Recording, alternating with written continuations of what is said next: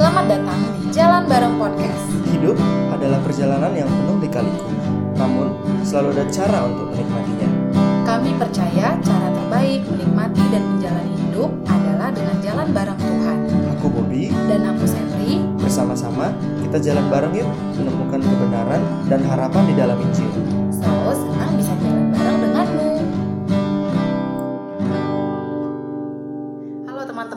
Halo teman-teman. selamat datang lagi di Jalan Bareng Podcast. Yap. Hari ini memang sengaja mau mengeluarkan episode yang ya cukup spesial ya di hari yang memang nggak semua orang merayakan sih kita Iya. juga nggak ngerayain gimana gimana banget ya yaitu hari Valentine. Hari Valentine. gitu. Bulan kasih sayang cenah. Cenah ya harapannya sih bukan bulan ini doang ya bulan kasih sayang bulan-bulan berikutnya pun bulan kasih sayang ya nah ya gitu nah ngomong-ngomong soal Valentine nih Pi kan Iya. kalau sebelum-sebelumnya kita udah pernah tuh teman-teman bahas episode soal pacaran mungkin bisa dilihat tapi kalau didengar lagi maksudnya kalau di hari ini mungkin mau bahas tentang ini kali ya pernikahan ya Pernikahan. pernikahan dan eh, pernikahan terutama di tahun-tahun pertama Ya. Konteks kita lah. Eh, konteks- Little years. Eh, eh, little years dan Valentine ini Iya. yang adalah kita nggak bisa merayakan Valentine seperti waktu kita pacaran atau dengan iya. date atau apa karena lagi dalam kondisi yang sekarang di Hmm. tahun-tahun awal menikah ini gitu.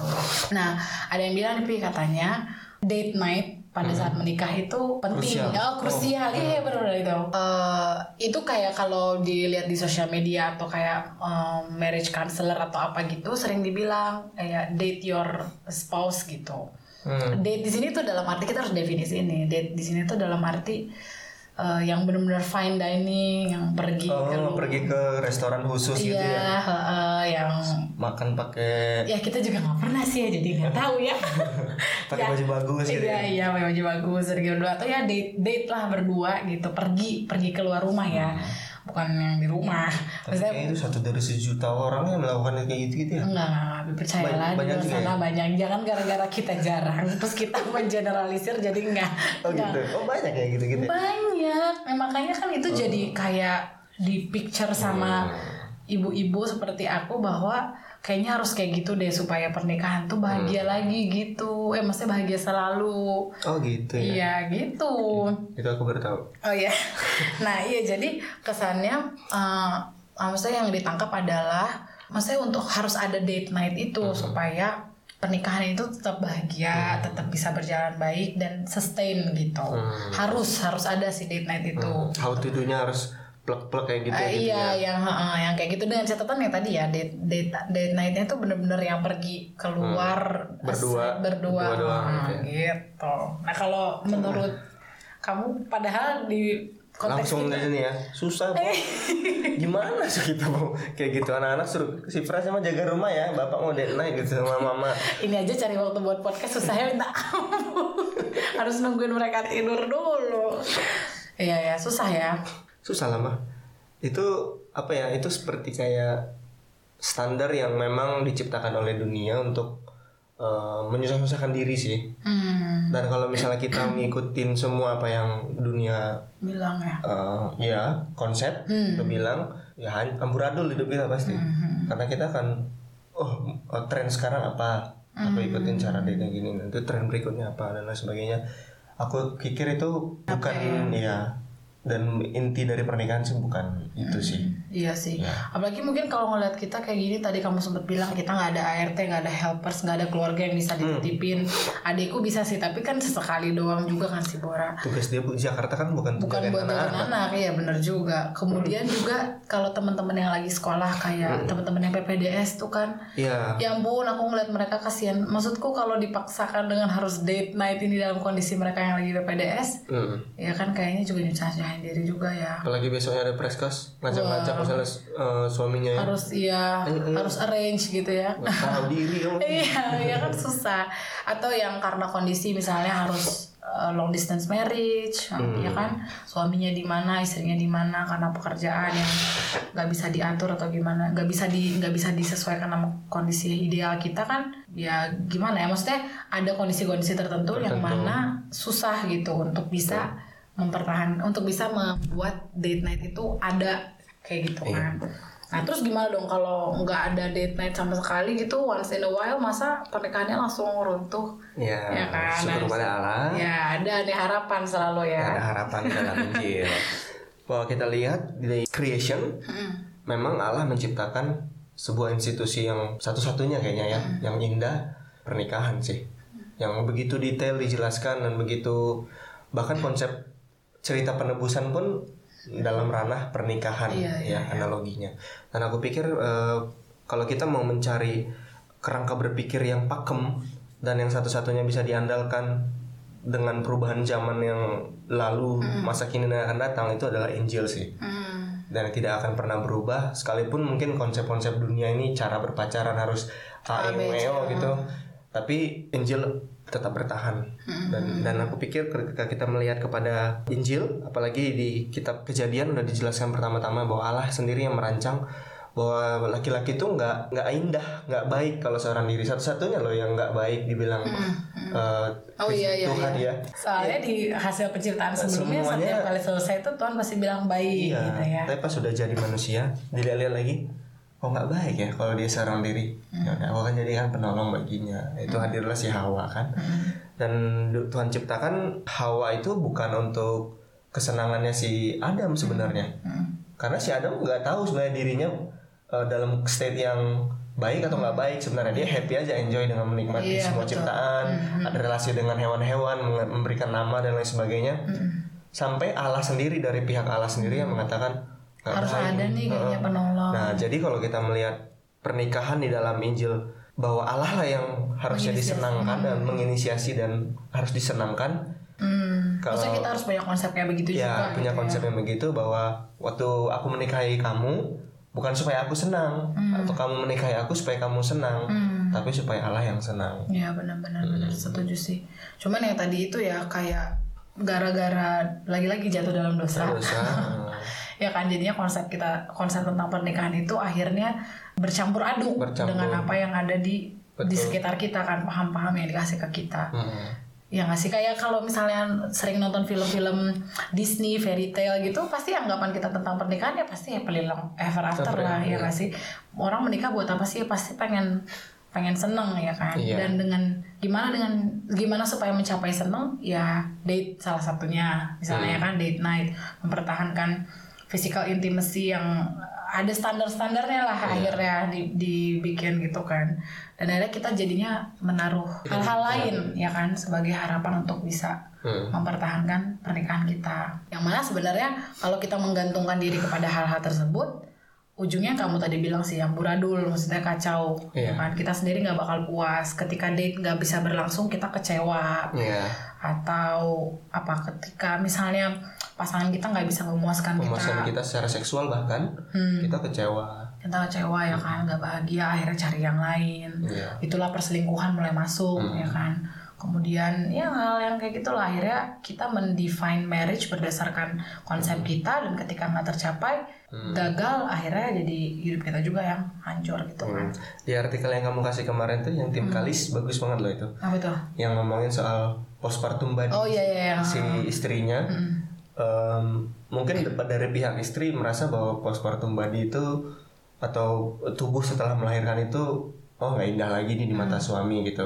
Tapi di dalam kekristenan atau dalam Injil bahwa postpartum body itu menunjukkan bahwa ada cerita gitu Hmm. di dalam tubuh si istri itu yang membuat pernikahan itu makin erat loh, makin kenceng gitu ikatannya. Iya. Karena di situ is- di tubuh istrinya itu dia menceritakan bahwa ini usaha istriku loh membawa anak kami selama 9 bulan dalam kandungan, menyusuinya selama 2 tahun dan akhirnya itu bercerita ada apalagi kalau misalnya anaknya sesar, wah luka ini dulu melahirkan si Shema gitu. Karena itu membuat apa ya ada memori-memori yang terkenang dan itu makin membuat eh, pernikahannya makin erat sih. Hmm, jadi kayak postpartum Ya, bodinya yang dibanding yang kayak dunia ini bilang ah istrinya makin gembrot, kurang cantik lagi, kurang elok dilihat, Mhm. makin kendor makin gitu ya. kendor. Nanti akhirnya cari yang lain kayak gitu kan. Dan akhirnya ya gitu sih. jadinya ancur-ancur juga ya, Ancur-ancur. ya sih, iya bener sih. Dan yang tadi pemahamannya seperti tim Kalis kayak gitu kan diperoleh ketika dia udah melihat um, Iya. apa yang Tuhan Yesus Kristus lakukan Di kayu di salib. kayu salib ya Iya. kan.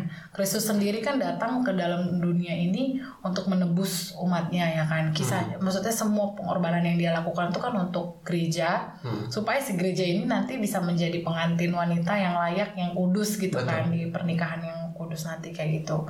Dan kalau kita lihat maksudnya em, apa yang udah Kristus lakukan tuh dia mengorbankan segala sesuatu bahkan dirinya sendiri Iya. untuk kalau istilahnya kan untuk rescue apa sih menyelamatkan kayak gimana sih kayak aku bayang kayak pangeran berkuda Iya, iya, putih iya. kayak mengambil si bride-nya yang di dalam kekangan atau di Iya. dalam penjara gitu naga dia ya. iya dia menyelamatkan si pangeran kayak se, se seheboh dan sedramatik itulah yang udah Kristus lakukan buat buat umatnya ya kan dan dia pun mengembalikan lagi model pernikahan yang tadinya udah Allah inisiasi tapi rusak karena Betul. dosa model pernikahan yang yang eh, Allah maksudkan itu kembali lagi tuh gambarnya di dalam pernikahan yang sejati. Benar Di dalam dalam Kristus. Gitu. Dan di dalam Kristus juga kita bisa menemukan the perfection in our marriage gitu. Iya.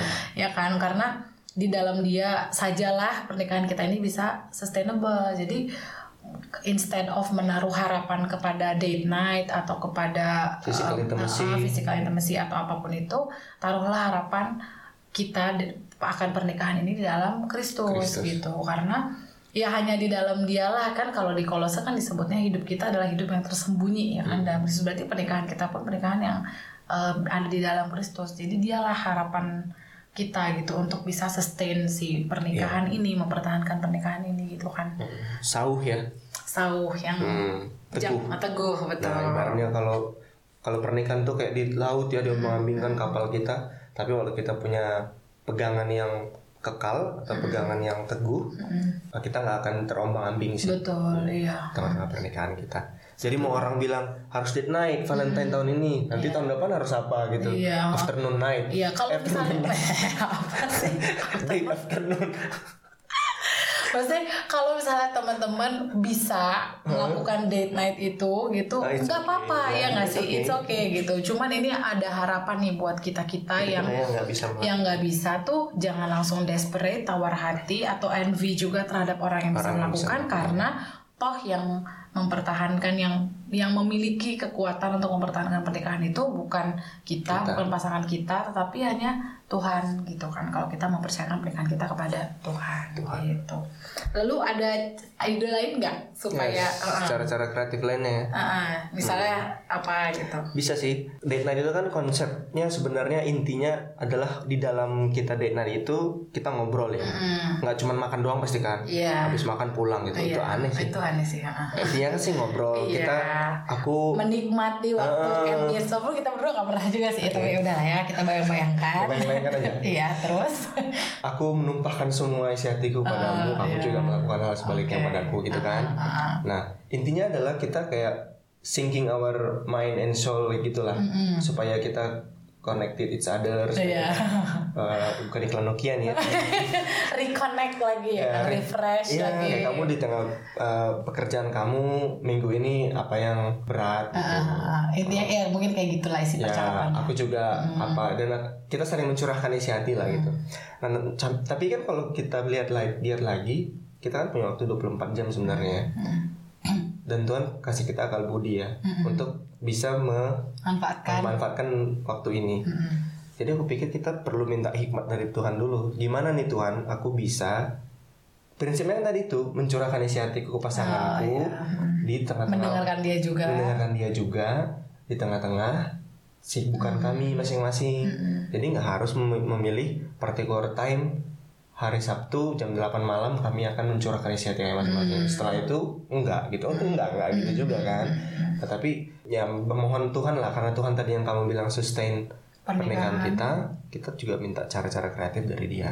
Hmm. Misalnya kayak kita kan setiap kali jam pagi-pagi berangkat mau kerja dan anak-anak harus dititip ke daycare, kan mereka masih tidur tuh Mm-mm, di mobil di mobil. Di situ kan kita sering ngobrol, ngobrol, benar-benar. dan kita cerita, kamu cerita masalah di Kantor. pekerjaan kamu, aku juga cerita per- pergumulanku dan lain sebagainya. Dan akhirnya kan itu dapat juga kan Iya, iya, Eh, iya, tanpa harus ditemani oleh lilin dan Iya. makan stick kan. Malah ditemani oleh macet lampu merah. Oh, macet banget. Itu lebih bagus. Waktu kita ngobrol lebih lama. iya benar. Iya Atau- setuju sih. Mm-mm. waktu sebelum tidur kan bisa pillow talk.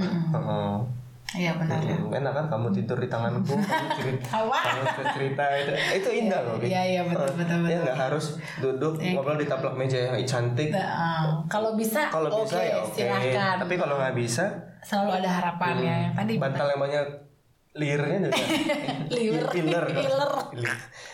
juga jadi romantis loh Ih, gila. Ya.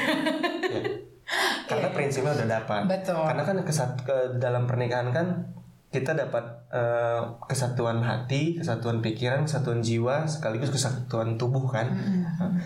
Dan itu kan bisa didapatkan tanpa harus melakukan hal-hal yang seperti yang dunia ini bilang Bilang, ya, atau standar-standarnya yang cukup susah untuk Iya, dikerjakan. dikerjain ya. Setuju sih, setuju, setuju. Sama menyambung yang tadi menyambung dengan cara kreatif ya mungkin kalau date night itu kan identik dengan sweetness yang uh overload gitu ya, kayak sugar rush gitu. Iya iya betul betul Iya kan, kalau once in a while ya bolehlah dilakukan. Tapi aku yang juga penting adalah hal-hal manis kecil di tengah-tengah pernikahan gitu loh, Pi. Ya mirip-mirip kayak yang kamu sampaikan tadi, misalnya eh, kan waktu date night mungkin kita akan treat pasangan kita dengan manis banget gitu kan. Ya mungkin dalam kehidupan sehari-hari kita juga tetap bisa melakukan treat-treat kecil yang manis tapi berkesan gitu buat si pasangan kita dan itu akan ibaratnya mempertahankan kasihnya juga gitu tetap tetap ada. Kayak misalnya kayak aku mah bangun tidur kamu udah cuciin piring aja itu udah udah kayak aduh sweet ya gitu.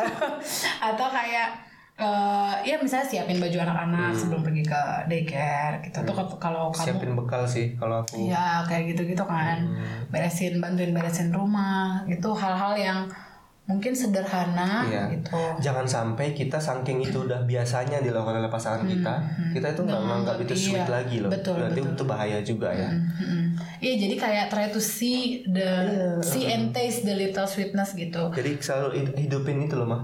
Apa? Eh, alertness kalau wah ini dilakukan pasangan tidak apalagi ya yang membuat aku bisa kesem-sem gitu. Iya betul. heeh. Jadi kayak maksudnya bela- belajar untuk melihat itu sebagai usahanya dia, usaha pasangan kita juga untuk melayani kita dan akhirnya kita bisa ngeliat wah dia mengasihiku ya gitu dengan dengan melakukan ini di rumah atau menolongku atau sekedar nanya misalnya udah sampai mana, eh ini aku udah isiin imanimu ya tadi kan atau kayak gitu-gitu kan itu hal-hal simpel tapi sweet gitu kalau misalnya kita kita lihat itu sebagai bentuk kasih pasangan kita ke kita kan Mm. kayak gitu. Aku kalau lihat kamu ngevideoin anak-anak belajar di rumah itu juga Oh iya ya. secara nggak langsung wah dia mengasihiku banget nih gitu. Hmm.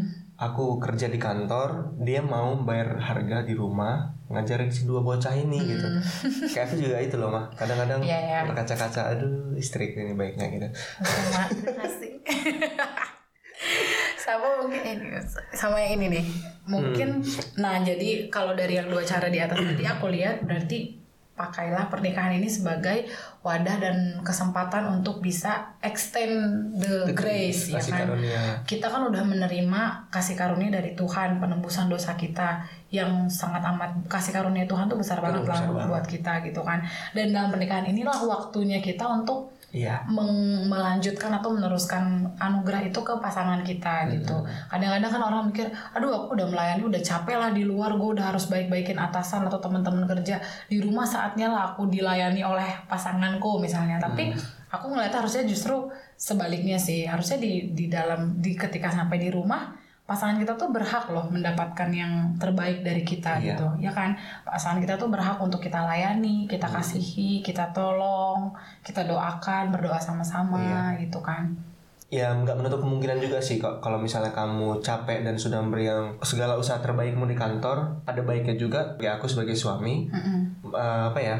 kayak peka terhadap Iya. itu dan jangan juga menuntut kamu harus melakukan terbaik bagiku. Ada juga masa memang it's okay kamu misalnya eh, Take capek rest dulu. eh, take rest dulu aku yang ngambil alih dulu misalnya pekerjaan rumah seperti nyapu dan kamu bolehlah Me time me time dulu. dulu dengan Oh, anak-anak gitu iya, iya, it's iya. okay gitu Iya benar. jadi kayak ada konsep kesadaran masing-masing gitu Iya loh betul dan itu tuh lahir dari sikap saling mengasihi Iya. yang akhirnya saling melayani. Jadi kayak dulu-duluan melayani gitu loh, kayak saling peka sama kebutuhan pasangan kita apa, lalu kita meet the need kayak dia butuh apa nih ya udah coba aku gimana ya cara menolong dia, memenuhi dia, Iya. memenuhi kebutuhannya gitu, mengasihi dia dan berdoa bersama-sama kayak gitu. Kadang-kadang kita sering lupa bahwa dalam pernikahan tuh yang harus di reach tuh bukan cuma physical intimacy atau emotional intimacy tapi spiritual intimacy juga loh gitu. Dan Iya. dan itulah yang menurut aku paling bertahan sampai udah tua sih. Kalau udah tua kan mungkin secara fisik kita lemah secara emosi juga mungkin ada ada sedikit perubahan mood atau Iya, apa pasti gitu. gitu. iya kan? Tapi secara roh kayak Paulus bilang kan daging lemah roh makin kuat